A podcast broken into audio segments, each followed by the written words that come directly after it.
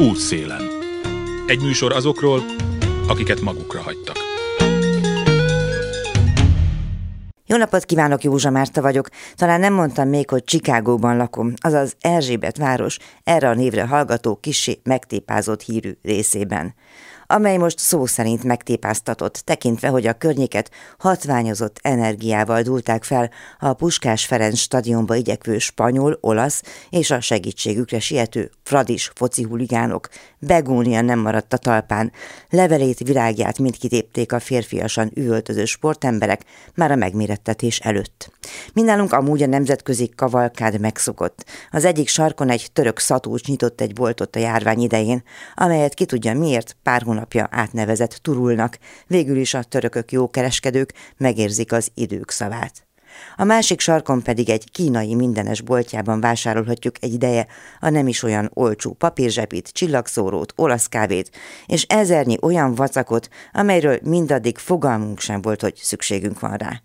No de ide, erre a környékre még karácsonytájt beköltözött egy hajléktalan, aki naponta órákon keresztül ordít, megfejthetetlen nyelven. Pedig beszélünk a családban jó néhányan, de ez nem hasonlít semmire. El is neveztük a fickót Dáknak, tudván, hogy az ókori Dák nyelvet még senkinek sem sikerült rekonstruálnia. Később aztán kiderült, hogy olasz szegény, négy éve él Magyarországon, most éppen az általunk mérges kínainak elnevezett bolt előtt lakik, már amikor a tulaj el nem zavarja, de mindig visszakódorog. Olykor mosakszik is, éjszakánként levetkőzik a holdfényben, valamilyen vegyszerekkel locsolja magát ellátva amúgy el van. A környéken úgy szintén szép számmal megtalálható ukrán menekültek például rendszeresen visznek neki kaját, a múltkor pedig új cipőt is kapott. Féltettem szegény Dákot, látván a stadionba igyekvő majd hazafele tartó szurkolótábort. Ki is álltam az erkére megnézni, hogy nem bántják-e. Így aztán végignéztem, hogy a hős szurkolók, a Tököli úton a vesztes olasz csapat rajongói vonultak, egy szembe karikázó bringás külői közé hezből beakasztottak valamit. A srác több métert repült, egyenesen a rendőrök karjaiba akiknek eszük ágában sem volt a szurkolók után szaladni, a bringást akarták betenni az autóba, aki azonban talpra állt, lerázta őket és elhajtott. A dák csendben nézte pedig, abban az órában rendszerint ordítani szokott. Aztán, amikor még egyszer kinéztem, akkor láttam, hogy nincs egyedül. Leült mellé egy csalódott olasz drukker, és akkor először érthetően hallottam, hogy olaszul beszélnek, hogy beszélgetnek. És hogy mindezt miért meséltem el? Semmi különös, csak eszembe jutott, hogy ennek az embernek talán az változtathatná meg a sorsát, ha valaki az anyanyelvén szólna hozzá. Kinek mi lehet a megváltás? Útszélen. Van egy kezdeményezés, Civil Kollégium Alapítványa neve. Olyanokról ismerhetjük, mint az Ablaka Padra kampány. A koronavírus járvány idején juttattak el informatikai eszközöket a rászorulóknak. Aztán ugyancsak a járvány idején még egy falat címmel tartottak adománygyűjtést a szegregátumokban lakók számára, és ha már ott jártak, oltas, hogy élhes felszólítással buzdítottak roma embereket arra, hogy ne féljenek a vakcinától, de stop kiemelt beruházás címmel az oligarchák és a helyiek érdekeit semmibe vevő állami terjeszkedés ellen is felléptek. Ahogy a nevükhöz fűződik a tavalyi országgyűlési választás tisztaságáért és a választók felvilágosításáért indult tiszta szavazás nevű akció is. Legújabban, bár ez is egy évek óta előkészített történet, a magyar közoktatás egyik óriási problémájára, az oktatási érdekérvényesítésre koncentrálnak. Nagyon fontosnak tartják, hogy Magyarországon minden gyerek egyenlő módon férhessen hozzá az oktatáshoz. Legyen az roma sajátos nevelési igényű szegénységben élő vagy külföldről menekült. Ezt úgy lehetne a legkönnyebben elérni, hogy az oktató munkát közvetlenül segítő szakemberek legyenek jelen az iskolában. Ami a gyakorlatban azt jelenti, hogy a pedagógusok sokkal asszisztensek és tapasztalati segítők dolgozzanak együtt, ahogy az a világ számos országában természetes.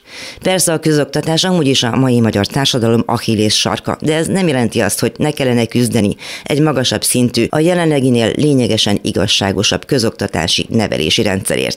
A Kapjon minden gyermek egyenlő figyelmet mottót viselő kampányról Csordás Anettel beszélgetek, ő amúgy egyike volt azoknak, akik kivívták az ápolási díjak emelését, ő a holnap iskolájának meg megálmodója és a Civil Kollégium Alapítvány közösségszervezője is. Lesz a hétvégén egy nagyon érdekes történet a Civil Kollégium Alapítvány szervezésében, hogy tulajdonképpen mi is ez, mi az, amiben most összegyűlnek a nagyon tapasztalt szakértők. Egy kicsit, hogyha megengedi, akkor beszélnék arról az útról, ami, ami idáig hát a rendezvényhez jutott, mert az is nagyon érdekes. A rendezvények egyébként az a cím, hogy kapjon minden gyermek egyenlő figyelmet, tegyünk együtt az igazságosabb oktatásért. Igen, ez egy cselekvési program. A Civil Kollégium Alapítvány körülbelül 30 éve dolgozik azon, hogy, hogy támogasson különböző olyan közösségeknek a létrejöttét, akik cselekvő közösségek, akik szeretnének valamilyen változást, és körülbelül egy, hát egy, egy bő két éve kezdődött az, hogy elkezdtünk az oktatás felé fordulni, mert úgy éreztük, hogy olyan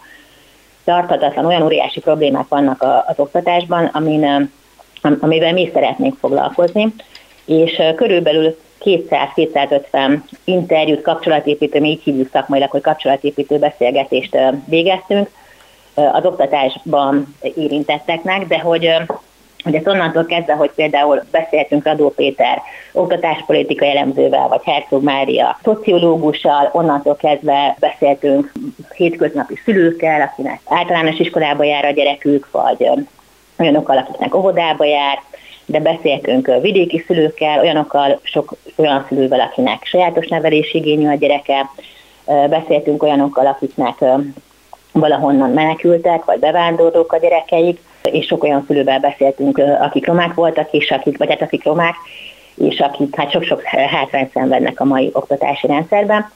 És ebből a sok-sok beszélgetésből, és a találkozóink is vidéken is, és, és Budapesten is, és ebből a sok-sok találkozóból tulajdonképpen egy probléma térképet állítottunk össze, amit aztán egy körülbelül olyan 30 fős, 25-30 fős, fős szintén érintetti csoporttal elkezdtünk szétszerni, átgondolni, és tulajdonképpen ilyen ügyekké alakítani, tehát olyan jól megfogható, közérthető ügyekké, amikben aztán úgy gondoljuk, hogy, hogy változást lehet elérni. Természetesen azért Magyarországon nem olyan egyszerű.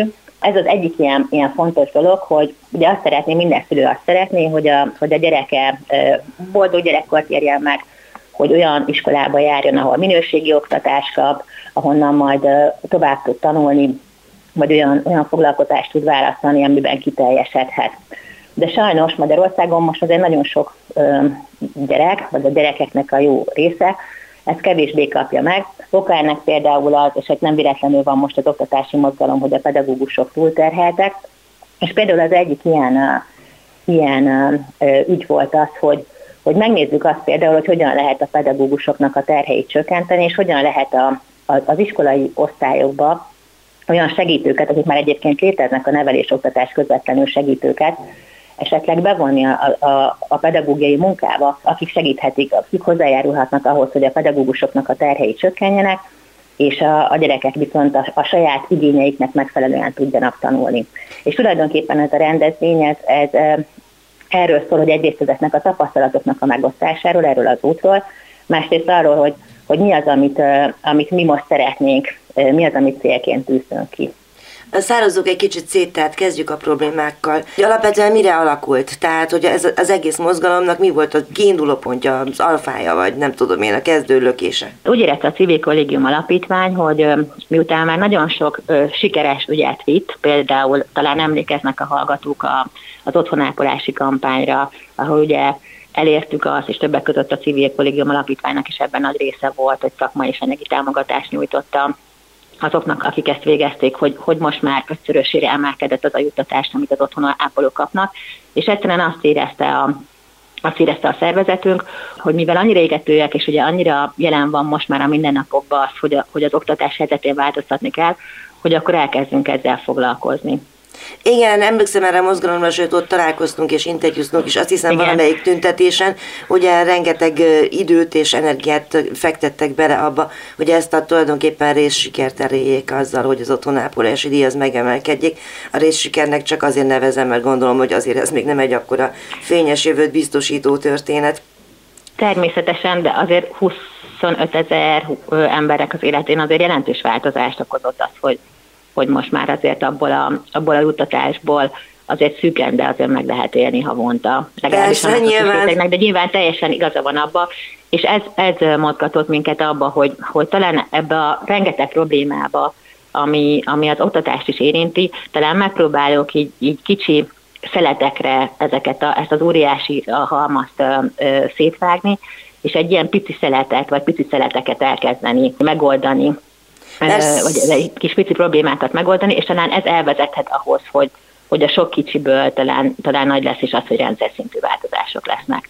Persze, meg ráadásul ez sem olyan nagyon kicsi szeret, itt olvasom a bevezető anyagban, hogy sok tízezer tanulási nehézséggel küzdő sajátos Igen. nevelési igényű szegregációban élő roma, háború elől menekülő ukrán és sejtem, hogy más menekült gyerek is él ma Magyarországon. Nyilván ezek a problémák nem azonosak megtenni, hogy a külön-külön szárazzuk, tehát a sajátos nevelési igényű gyerekek például ők mit kaphatnak, hogyan lehet az ő oktatási helyzetüket, mondjuk integrációjukat elősegíteni, mi az, amiért küzdenek? Hát ugye Magyarországon a, a, a sajátos nevelési igényű gyerekeknek a nagy része szegregáltan tanulhat ma, holott egyébként Magyarország aláírt olyan jogi dokumentumokat, de talált olyan egyezményeket, amiben az inkluziót, inkluzió zászlajára tűzte. Tehát az, hogy inkluzív oktatás lesz Magyarországon, vagyis hogy együtt tanulhat minden gyerek, de hogy ez egyenlőre nem valósulhat meg. De például, hogyha egy sajátos nevelési igényű gyermeknek mondjuk akár egy autizmus spektrum zavarral érő, nek van egy asszisztense a, magában az osztályban, és így ő, ő differenciáltan, tehát a saját személyre szabottan tud tanulni, akkor ugyanúgy együtt tud tanulni a többiekkel.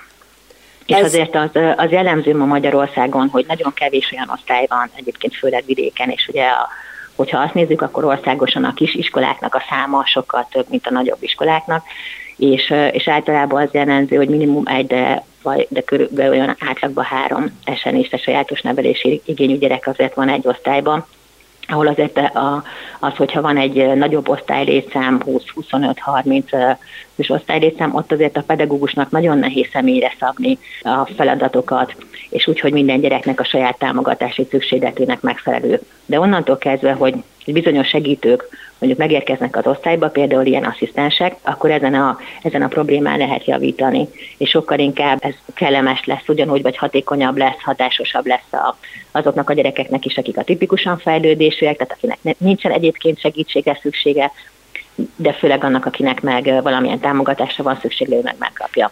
Vagy például Ugye most a, a nagyon aktuális helyzet sajnos, hogy, hogy, hogy Ukrajnában háború van, és ugye nagyon sok menekült gyerek, több ezer gyerek van Magyarországon, és ezeknek a gyerekeknek egy nagy része nem tud magyarul, csak ukránul.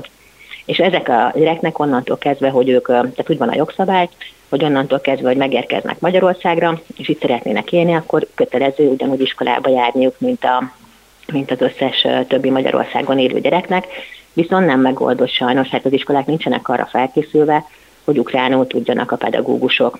Nagyon nagy segítség lenne, hogyha mondjuk olyan asszisztensek lennének, akik ukránul beszélnek, és így a, a gyermek nem ülne csak némel, mint ahogy egyébként most kell ülnie az iskolában, hanem ha, annak ellenére, hogy a pedagógusok mindent megpróbálnak megtenni, vagy játékosan foglalkoztatni, de hát nyilván a nehéz, ne, nyelvi nehézségek miatt ő nem fér hozzá ugyanúgy a, a tanuláshoz, de ha például ukránul tudó asszisztensek lennének, vagy akár, hogyha más országból jön, akkor annak az országnak a, a, a nyelvén beszélnének, akkor ezek a nyelvi nehézségek eltűnnének, és a gyerek sokkal, vagy a diák sokkal hamarabb tudna beilleszkedni az osztályba, és, és gyakorlatilag az osztály közösség aktív tagja lenni, boldog diák lenni, és, és könnyebben tudna tanulni, vagy tudna haladni egyébként az anyaggal.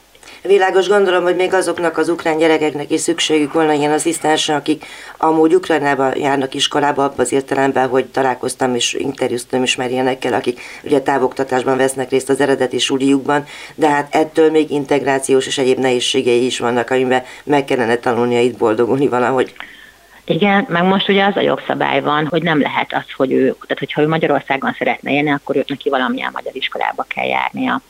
Hát azért, azért most szigorultak a szabályok, és pont ezért volt az, hogy hogy augusztus végén, szeptember elején, amikor ugye jött a beiskolázás, akkor, akkor sajnos ugye nagyon sok ukránszerű gyorsan keresnie kellett iskolát, és, és ezért van az, hogy ahogy mondtam, körülbelül 4000-4500 gyerek szerte az országban különböző iskolákba jár. Az világos, hogy az asszisztens, a pedagógiai asszisztens kérdése az nagyon radikális segítséget nyújtana nagyon sok csoportnak. Ez csak pénzkérdés, vagy van-e egyáltalán elegendő képzett szakember. És most nem csak arra gondolok, hogy hát nyilván azért olyan nem fog teremni hirtelen, aki tud ukránul nagyobb mennyiségben, pár azért létezhet. Oroszul azért nagyon sokan tudnak, tehát hogy, és azért a, a, az ukrán gyerekeknek a nagy része azért tud oroszul. Ez nyilván pénzkérdése is, de inkább mi azt gondoljuk, hogy ez szándék kérdése. Tehát a jelenlegi jogszabályok lehetőséget biztosítanak arra, hogy hogy asszisztensek legyenek, hogy a szakértői bizottság az például kijelölje azt, hogy, hogy a gyerekek számára a diákok mellett legyen egy asszisztens, de ez, ez nem valósul meg.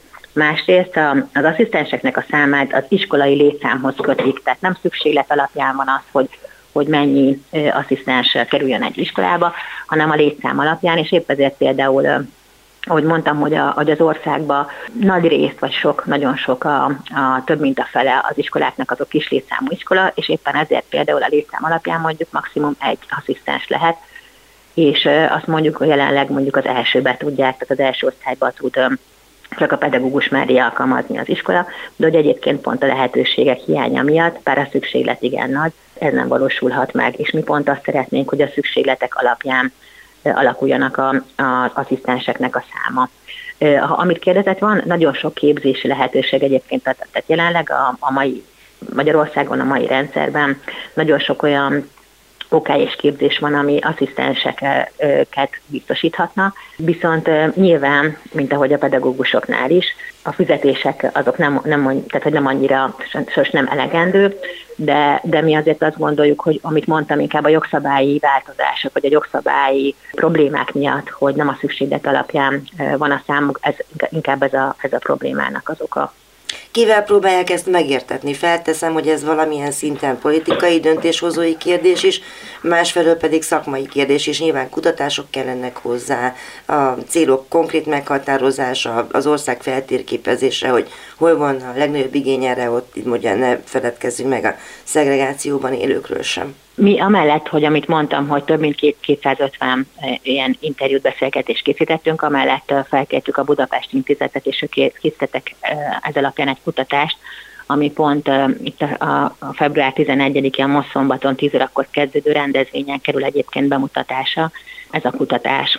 Tehát valójában azt, amit, amit az érintettekkel való beszélgetés alapján kijött probléma vagy szükséglet, az gyakorlatilag a, a Budapest Intézet kutatása teljes mértékkel alátámasztotta igen, és nyilván akkor utána meg kell keresni azt a szándékot. Én tudom, hogy akkor, amikor harcoltak az ápolási díjnak a megemeléséért, akkor is azért találtak olyan támogatókat, akik ezt az ügyet a továbbiakban képviselni is tudták. Tehát nem csak a szakemberekről és az érintettekről beszélek, hanem azok, akik megírték, hogy ez országos ügy, meg mindannyiunk ügye, meg ahogy mondani is szokták, ugye közügy érintettek alatt én a szülőket is értem, tehát hogy, hogy mindenki érintett, aki valamilyen módon, és azért akinek iskoláskorú gyereke van, vagy unokája, vagy a testvérének a gyereke, gyakorlatilag azért Magyarországon szinte mindenki érintett ebben a témában. Most ez az első rendezvény tulajdonképpen magának a problémának a bemutatása lesz, és a Budapest Intézetnek a kutatásai, és ezután következik az, hogy, hogy, hogy elkezdünk gyakorlatilag dolgozni azon, hogy hogyan tudjuk ezt a célt elérni. Nyilván nagyon fontos az, hogy minél többen több emberrel megismertessük ezt a problémát, hogy az emberek megértsék azt, hogy miért fontos az, az hogy most e, ezzel, ezzel foglalkozni kell, és, és nyilván fontos az, hogy aztán a döntéshozóval is elfogadtassuk azt, hogy erre, erre forrást és, és, és szándékot biztosítson, hiszen, hiszen azért a mostani helyzetben nagyon fontos az, különösen fontos az, hogy, a, hogy az oktatási, jelenlegi oktatási rendszert valamilyen módon különböző változtatásokkal jobbá tegyük. Ez világos, mondjuk az, aki hallja a rádióban, hogy lesz egy ilyen rendezvény, van egy ilyen kutatás, van egy ilyen mozgalom, felismeri a szükségletet, de esetleg még nem jutott el a civil kollégium alapítványhoz, vagy senki ez, aki ezzel foglalkozik, az tulajdonképpen mit tud tenni, hiszen bizonyára van egy rengeteg olyan ember, aki ez érint, izgat, hiszen minden, majdnem mindannyian érintettek vagyunk az oktatási kérdésekben.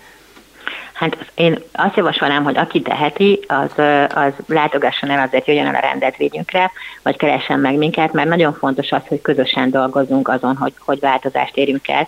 És pont amit említett, az otthonápolási kampány is azért sikerült, mert az emberek összefogtak, és megértették, szolidaritást vállaltak egymásra, és megértették azt, hogy, hogy közösen kell kiállnunk Ez világos, azt, azt is olvasom itt, hogy több oktatási intézményben kísérleti program is volt, ez hogy nézett ki? Vagy Nem, ez, ez a tervünk. Tehát ö, azt szeretnénk, hogy amellett, hogy, hogy, hogy vannak céljaink, hogy mi az, amit szeretnénk változtatni, vagy mi az, amit szeretnénk elérni, szeretnénk ö, úgynevezett kísérleti ö, programokat indítani, amivel pont szeretnénk azt bebizonyítani, hogy hogy milyen pozitív változást fog elérni az, hogyha, hogyha ilyen segítők jelen vannak a, a, az iskolai osztálytermekben. Kikre tudnak támaszkodni ez ügyben? Azt látom, hogy a résztvevők között lesz például a Miskolci Ámbétkár iskolának a pedagógiai vezetője vagy alapítója, és más olyanok is, akik már részt vettek akár közösségszervezésben, akár pedig oktatási projektekben. Tehát hol találják azokat a pontokat, ami de azt gondolják, hogy ne, igen, ezzel érdemes foglalkozni. Most a legelső dolog az az, hogy megtaláljuk azokat, a, azokat az iskolákat, azokat az intézményeket, akik vállalják azt, hogy ebben a kísérleti programban részt vegyenek, és utána nyilván az, hogy, hogy kutatást, tehát folyamatosan nyomon kövessük azt, hogy, hogy ez a program hogy alakul, és mellette fontos az, hogy pontosan kialakuljon az, hogy milyen jogszabályi változásokra van szükség, hiszen mondta, hogy hiszen ön is említette azt, hogy hogy nem ugyanaz a szükséglete egy sajátos nevelésű igényű gyermeknek, vagy egy egy, egy külföldi gyermeknek, akár egy ukrán gyermeknek, vagy tegyük föl egy, egy roma gyermeknek ott, ahol mondjuk nagyon erőteljesen jelen van a szegregáció. Egy olyan kezdeményezés is fűződik a nevéhez, mint a Holnap iskolája. Ez tulajdonképpen összeír a civil kollégium alapítványa? Igen, olyan szinten igen, hogy a Holnap iskolája az egy inkluzív oktatási modellkísérlet, tehát ott olyan gyerekek járnak együtt, egyrészt olyanok, akiknek, akik simák, tehát aki, aki tipikus fejlődésű, másrészt olyan gyerekek, akik eddig csak szegregáltan tanulhattak, és gyakorlatilag ez egy, itt valóban megvalósul az inkluzió, tehát a teljes befogadás, és azoknak a gyerekeknek, akinek szüksége van, az természetesen asszisztenssel tanul együtt, és, és most már az ötödik éve működik, és hát bizonyítottam, bemutatja azt, hogy milyen pozitív hatása lehet annak, hogyha, hogyha valóban jól működik a, a, a pedagógiai munka.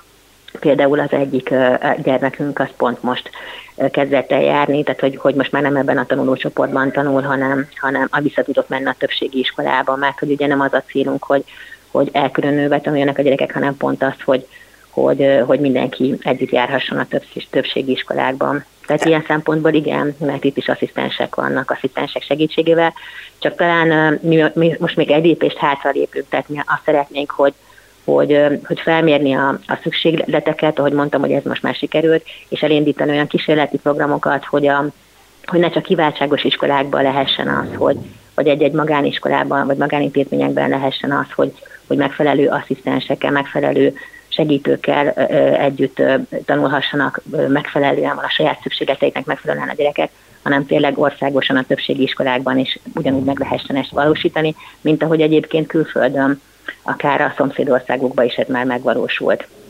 Igen, tehát akkor mégiscsak vannak tapasztalatok, akár saját és akár külföldi tapasztalatok is, ahova lehet fordulni. A műsor első felében Csordás Anetta Civil Kollégium Alapítvány közösségszervezője gondolatait idéztük vissza arról, hogy mi mindent tehetünk meg civilként a dolgok egyenesebbé alakításához. A második felében pedig Molnár Robert, Kübekháza polgármestere meséli majd el azt, hogy milyen, amikor egy falunak van egy Bélája. Hallgassák meg őt is újra érdemes a hírek után. Józsa Márta vagyok, Molnár Robert Kübekháza polgármestere a vendégem, aki azt mondja, náluk nem csak egy Béla van, a fadőjükben az a normális, ha összeadják azt, amiük van. Felmerült az is gondolatkísérletképpen, hogy a környéken, neten a szomszédos, jóval olcsóbb vajdaságban keressenek a bajba került embernek ingatlant.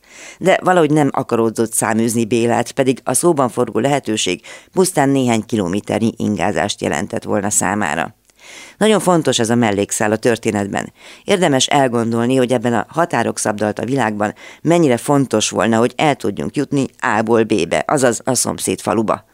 Mindeközben a külügyminiszter nagy Magyarországos térkép előtt pózolgatva igyekszik alázni a háborúban álló Ukrajnát, és arra kevés figyelem fordítódik, hogy egy európai falu ne váljon zsáktelepülésé, pontosabban ne maradjon száz év után is az, ha történetesen a három ország esetünkben Magyarország, Szerbia és Románia határán fekszik. Miközben ez éppen arra predestinálná, hogy csomóponttá, találkozási ponttá váljék. Szóval fontos arra figyelni, hogy mit jelenthet gazdaságilag, emberileg egy-egy határátkelő, egy hármas határ közelében levő falunak. Igen, a Béla ügyből sokfele lehet kalandozni Molnár Róberttel, Kübekháza polgármesterével. Hallották a hallgatók Bélának a történetét, de itt van vele Molnár Róbert, a településnek a polgármestere már igen régóta. Egy kicsit térjünk vissza Bélára, hogy mi volt az első, hogy mikor adott az az alkalom, amikor úgy gondolt, hogy hoppá, ezen az emberen segítenem kell? Folyamatosan szembesülök az elmúlt 21 évben azzal, hogy nehéz helyzetbe került emberek adódnak az utamban nem kell keresni őket, megtalálnak bennünket. És hát Béla is egy ilyen helyzetbe került. Akkor szembesültem először, hogy ennek az embernek segíteni kell, amikor kiírták a házát árverésre, és tudtam, hogy ha az az árverés megvalósul, akkor gyakorlatilag az ember földön futó lesz. Egy Kádár kocka házuk volt, anyukája meghalt, sajnos egy nagyon terhelt szülő volt, és fölhalmozott egy nagy adag adósságot, amit Béla terhes örökségként megkapott, meg az ő nővére, és hát gyakorlatilag ebből, ebből szabadulni nem csak közmunkás nem tudott volna, hanem egy tisztességes jövedelemmel rendelkező sem. És amikor meghallottam, hogy kiírták, illetve megláttam a kiírási lapon, hogy árverés, akkor azt mondtam, hogy valahogy árverés előtt ezt az ingatlant el kellene adni normális áron. És sikerült, lett egy vevő, aki megvette, Béla kitisztázta magát, és így maradt nekünk kb. 4 millió forintja, amiből 3,5 millió forintot ideadott nekem, illetve én kértem azt, hogy adja oda, meg a többiek is, a munkatársai is biztatták, mert egyébként elúszott volna az a pénz. És akkor lezárt borítékba, átvételi elismervényre beraktam a páncél szekrénybe, és azt mondtam neki, hogy Béla, akkor se fogok ebből egy fillért sem adni, hogyha te kéred és elkezdtünk keresni ingatlanokat. És ebből ő belement minden további nélkül? Hát tudta, hogy ez e- egyetlen lehetőség arra, hogy ő neki hajléka legyen, hogy, hogy más megoldás nem volt. És akkor elkezdtünk keresni ingatlanokat. Tehát nagyon érdekes volt, hát itt a faluban 3,5 millió telket nem lehet kapni.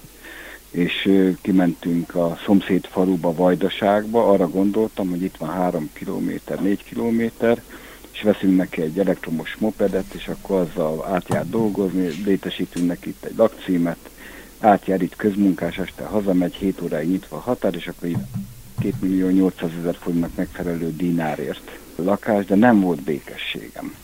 Utána családgondozóval elkezdtünk keresni, Google legjobb barátunk, Békés megyei falvakban, Békés megyében jóval olcsóbbak az árak, mint nálunk itt Szeged környékén és ott is találtunk, de ott se volt békességem, hogy ezt az embert, ezt a, olyan szocializációs háttérből jött, amivel nagyon nem, nem, nem tud önállóan megélni, lábon maradni, ezt az embert kiraknánk, mint pénteket a szigetre, és akkor mi a problémát letudtuk, és akkor el van, látóhatáron kívül van, és akkor nem kell vele foglalkozni.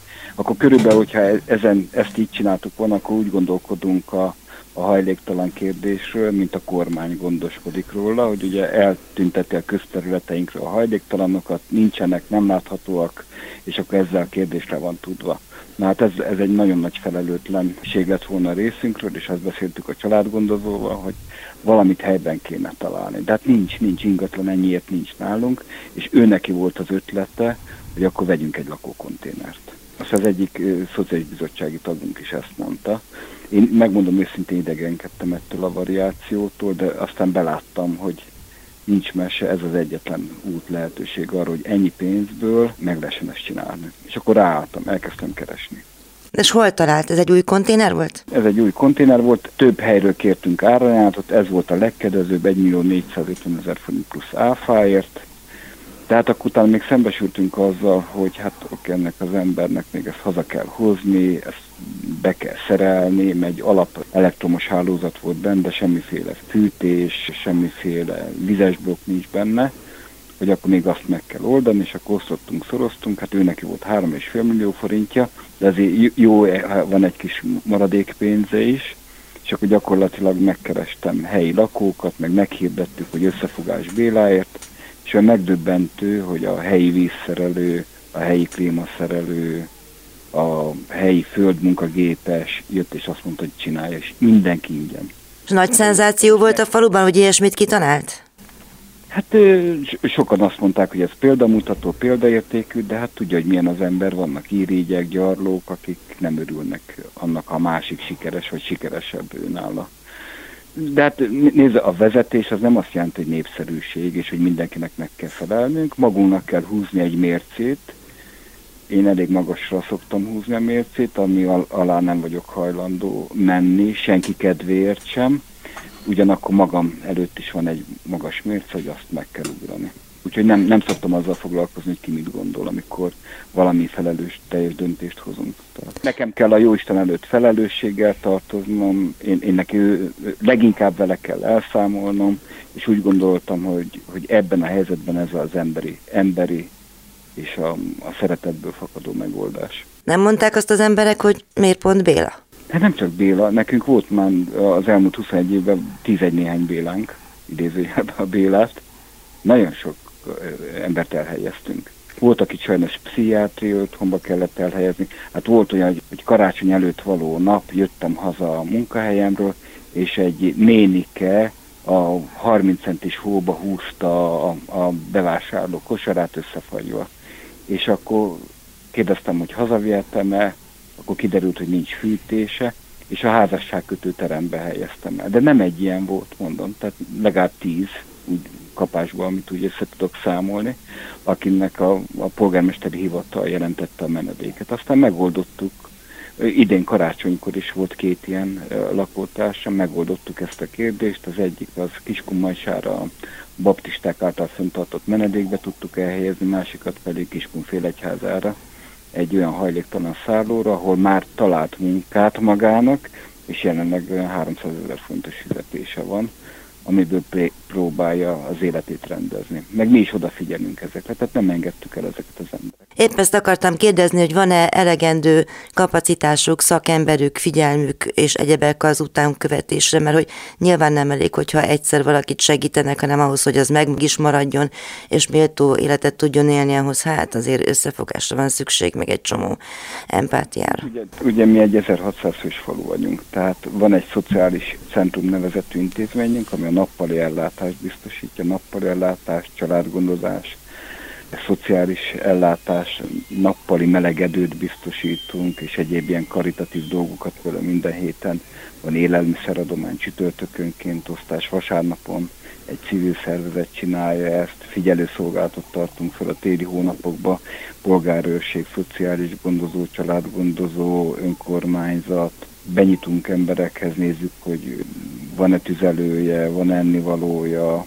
A Covid-ba például elképesztő módon szervezettek voltunk. Szerintem egyébként is azok vagyunk, de szervezettek voltunk, hogyha valaki kiderült, hogy karanténba került, akkor úgy vittük ki neki az élelmiszert, amit kért telefonon, hogy beakasztottuk egy steril csomagba, a kerítésen kívül nem kellett fizetni, és amikor kijött a betegségbe, akkor kifizette az élelmiszer. Tehát mi mindent megelőlegeztünk, elraktuk a blokkot, stb. Gyógyszereket szereztünk be, időpontokat kértünk orvoshoz, a házi orvosról levettünk egy terhet, mert valami borzadály teher hárult a házi orvosokra, külön telefonfonalat kellett létesíteni, állandóan foglalt volt, akkor az volt a probléma. Tehát nézze, az önkormányzatoknak az a feladat, hogy közel legyenek az emberekhez, a helyi lakókhoz és hogyha jól élnek, és biztonságban érzik magukat a lakóink, és hogyha minden önkormányzatnál így érzik magukat, akkor az egy, az egy szeretetteljes ország lesz, ahol, ahol látják azt, a, hogy a vezetők gondoskodnak róluk, az önkormányzat szolgáltat, az önkormányzat odafigyel rájuk hogyha mi globálisan nézzük a dolgokat, és statisztikai tényezőként kezeljük az embereket, egy-egy település csak egy pont a térképen, vagy nem is látszik, akkor nem foglalkozunk vele, mint ahogy most is látjuk, hogy a kormányzat mostól a gyermekként kezeli a, a, az önkormányzatot, és nem kistesóként. Sőt, ellenségként néha. Hát, hát igen, hát mostohák azért általában nem szeretik egymást, ugye? Valóban így van ellenségként, akkor abból, abból mi lesz? Egy polarizálódott, szétesett ország, egy kedvetlen, depresszív ország, amivel persze mindent meg lehet tenni, mert amikor az ember közönyös, közömbös, akkor legfeljebb káromkodik egyet, és mindent hogy a fenébe, nem foglalkozik vele, bevonul a kis szobájába, barlangjába, nézi a tévét, és akkor el van, de, de nem lesz közösség, nem lesz virágzás. a háborúba, a háborús viszonyokba, senki nem a virágos kertjével foglalkozik. Senki nem. Mindenki bevonul a menedékébe. Ez fáj nekem, hogy eljutottunk 31 néhány évvel a rendszerváltás után oda, ott álltam ezekkel a fiúkkal, a rendőrsorfallal szembe 17-18 évesen, és együtt küzdöttünk, ezekkel a fiúk alatt azt értettem a mai kormánytagjai, többnyire, meg a vezetőink, együtt küzdöttünk azért, hogy egy, hogy egy emberibb, egy élhetőbb, egy szabadabb, egy, egy jóléti, nyugatias ország legyünk, és mi történik? Eljutunk 30 évvel rendszerváltás után, amire senki nem gondolt volna ebbe az országba, hogy azok építik le a jogállamiság vívmányait, meg a pilléreit azok rombolják, akiknek része volt abban, hogy megváltozon ez az ország. 1990-ben. Hát ezt sokan nem gondoltuk volna, de ezek szerint azért mégiscsak úgy érzi, meg azt lehet olvasni a sajtóban is, hogy Kübekháza azért egy üdítő kivétel ebben a történetben.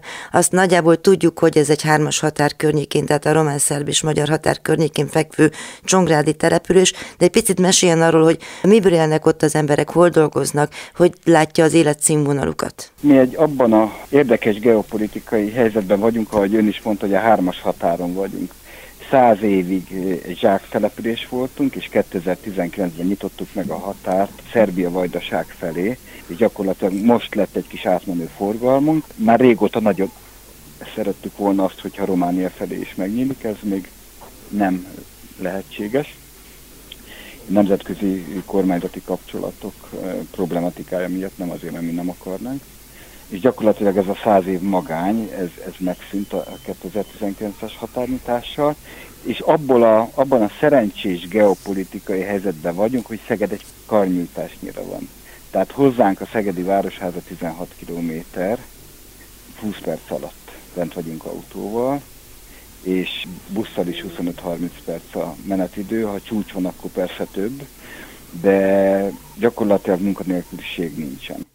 Tehát be tudnak Szegedre járni, ami elég jó állapotban van most, úgy tudom. Szeged elég jó állapotban van. Gyakorlatilag aki munkát akar találni, ma még talál. És hát nekünk is az a problémánk, hogy ugye a kormány nem foglalkozik azzal, hogy közfoglalkoztatás, tehát őnek az az érdeke, hogy minél kevesebbe kerüljön a szociális transferek, a jóléti transferek, ezért azzal nem foglalkozik, hogy az önkormányzatoknak meg nagy szükségük van a közfoglalkoztatásra, lehet, hogy nem ebbe a formába, én ezt nem, ezzel egyetértenék, hogy nem ebbe a formába, de közfoglalkoztatottakra, a közért dolgozókra, fizikális dolgozókra, akik a kommunális feladatokat ellátják, azokra nagyon nagy szükségünk van, mert önerőből a saját költségvetésünk terhére egy embert nem tudok fölvenni fizikai állományból. Hogyha most nem lenne közfoglalkoztatás, akkor a konyhán, a központi főzőkonyhánkon, ahol két főztatátot szolgálja ki a, az óvodát, meg az iskolát, és nem sokára a bölcsödét is, élelmiszerrel, akkor nem tudnám őket biztosítani. Nem tudnánk, aki a füvet nyírja. Így is még vállalkozókat kell bevonnom, hogy ez a szép kis falu, amely az év településévé választották 2018-ban meg egy sor díjat kaptunk a környezetépítésért, meg szépítésért. Ez a településnek ezt az infrastruktúrális zöldes külsejét, meg virágos díszeit, ezeket fönn tudjuk tartani, ha nem lenne közfoglalkoztatott, nem tudnánk. És, és ez a probléma, hogy a kormányzat fehér asztal mellől gyakorlatilag beleszagolva se az életben nem foglalkozik velünk egy hidegen hagyja, hogy mi van vidéken. Pedig nézd, ez, ez egy gyönyörű ország, ez egy csodálatos ország, hogyha egy kicsit foglalkoznának a vezetőink azzal, hogy, hogy, hogy mi, a, mi, mi a vidék, kis település. 38 év az átlag életkorunk. Rengetegen költöztek ki, értelmiségiek, kutatók, orvosok, egyetemi eh, tanárok. És hogyha, és hogyha foglalkoznának a vidékiséggel, akkor lehet, hogy a túlterhelt városokból kijönnének az agglomerációba, épülnének, fejlődnének a vidéki városaink, nem csak Budapest, hanem a vidék is, és hogyha a vidék épül, fejlődik, szépül, akkor szépül az ország is. Én polgármesterként nem tehetem meg azt, 1600 fős a polgármestereként, hogy szelektáljak afelől, hogy ki szeret engem, meg ki nem. Amikor engem 21 év ezelőtt megválasztottak polgármesternek, és a képviselőtestület is 21 év óta ugyanaz, attól eltekintve, hogy egy képviselőtársunk meghalt, gyakorlatilag meg az, hogy időközben a törvény levette hat főre a képviselők számát a mi esetünkben, gyakorlatilag a testületünk ugyanaz, és volt egy íratlan szabály közöttünk. Az pedig úgy szól, hogy mi mindenkinek a vezetői leszünk azoknak is, akik megválasztottak bennünket, de azoknak még inkább, akik nem. És nincs személyválogatás. És nézze meg, hogyha egy polgármester nem teheti meg azt, hogy válogat ember és embertársa, lakó és lakótársa között, akkor egy miniszterelnök még inkább nem teheti meg. Egy miniszterelnököt nem azért választunk meg, hogy az adott pártjának a miniszterelnöke legyen. Egy kormány nem azért választunk meg, hogy az oligarchákat kiszolgáló rendszert tartson fönt, megműködtessen, hanem azért, hogy egy országot, egy nemzetet, egy hazát emeljen föl, amiben ott vannak a kisfalusi szegények is meg a hajléktalanok, meg a szociálisan rászorulók, meg ott vannak az értelmiségiek, meg a fiatalok, meg a diákok, meg a pedagógusok, akik ellen hadat üzen meg, háborút folytat a kormány. Ezt, nem, ezt, ezt egy normális országban egyet nem lehet megtenni. Az, hogy ellenzéki parlamenti képviselők van, ez nehezítő körülmény egyébként abban, hogy tudják valahogy kommunikálni az ország fel a dolgaikat, hogy a térségben mindenképpen Lázár János meg a területfejlesztésben is egy jelentős szerepet játszó ember, aki nem nagyon szokta szeretni azokat a kezdeményezéseket, amikor egy hát kisebbségben, politikai kisebbségben levő társaság megpróbálja a saját sorsát a kezébe venni szerintem megválaszolta a kérdést. Nézze, én nem vagyok ellenzéki polgármester. Ön polgármester? Én polgármester vagyok, és a jó dolgokat azt elismerem, a sötét, súnyi, mocsok dolgokat meg elutasítom. Úgy gondolom, hogy ez egy normális hozzáállás. Ha van egy jó az országban, hogyha a magyar csapat győz a VB-n, vagy akárhol, akkor én annak örülök. Ha a Magyarország sikeres, és én annak örülök ha sikertelen a kormány, akkor sikertelen az ország is. De az, az ellen mélységesen tiltakozom, hogy a kormány szelektáljon polgármester és polgármester, önkormányzat és önkormányzat között. Elég régóta vagyok polgármester, ahhoz, hogy lássam, hogy az elmúlt 12-13 évben hogy működik a rendszer. Egy lakályrendszert építettek ki a polgármesterekből, gyakorlatilag a Magyar Falu program, ami egyébként egy baromi jó program, bocsánat azért a szóért, baromi jó program lenne, fölemelhetné a helyi közösségeket, működésbe hozhatja a gazdaságokat. Ez egy nagyon jó, én ezt támogatom, de az, hogy személy válogatóan és politikai eszközként használják ezt a támogatást, azzal, hogy na polgármester, ha befogod a szádat, ha megkunyászkodsz, ha benyalsz, hogyha meghajtod a térdedet, akkor lesz pénz, hogyha mindezt nem teszed, vagy ha még, bocsánat, most a vulgáris szóért, ha pofázol, akkor meg felejtsd el, akkor nem lesz pénz.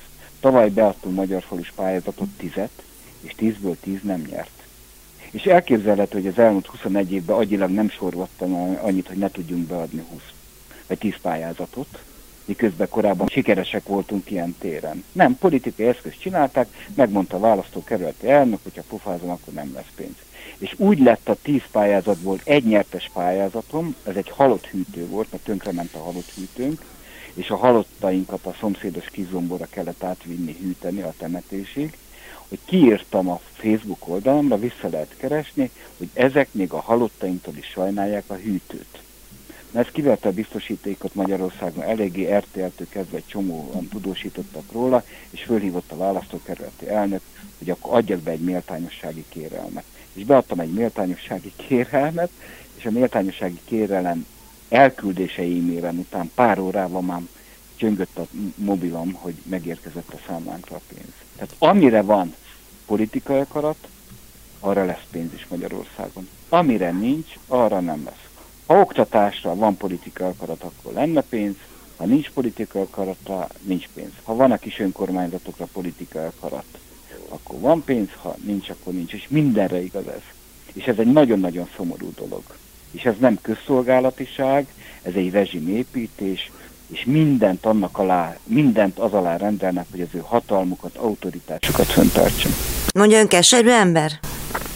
Én keserű ember vagyok? Hát így ez nem, csak a végszó miatt. Nem, engem, engem, engem azok, azok, a, azok az apró sikerek boldogítanak, amikor látom, egy kétségbe esett ember arcán, hogy boldog. Mint Béla. És azt látom, hogy, mint Béla. És azt látom, hogyha vannak boldog emberek a településünkön, meg rengeteg kulturális programot csinálunk, ami sokszínűeket, és ott jól érzik magukat az emberek, hogyha, hogyha tudunk valakinek segíteni, ez, ez, ez tesz bennünket boldog, és ez én boldog ember vagyok. Nem, nem Magyarországot de, de tekintek, akkor meg akkor sírni tudnék, hanem arra kis közösségre, ami bizalmával megtisztelt már ötödik ciklus óta. Ma két egymással összefüggő történetet hallhattak összefogásról, lehetőségekről, olyanoktól, akik senkit sem hagynak az út szélén. Csordás Anett, a Civil Kollégium Alapítvány közösségszervezője gondolatait idéztük vissza arról, hogy mi mindent tehetünk meg civilként a dolgok egyenesebbé alakításához. A műsor második felében pedig Molnár Robert Kübekháza polgármestere mesélte el azt, hogy milyen, amikor egy falunak van egy bélája, sőt több. Megtalálnak bennünket a www.clubradio.hu oldalon az archívumban és a podcast felületeinken. Levélben a józsa.mártakukacklubrádió.hu címen találnak meg. Figyelmüket köszönöm, várom Önöket jövő héten is. Józsa Mártát hallották. Önök az útszélen adását hallották a Klubrádióban.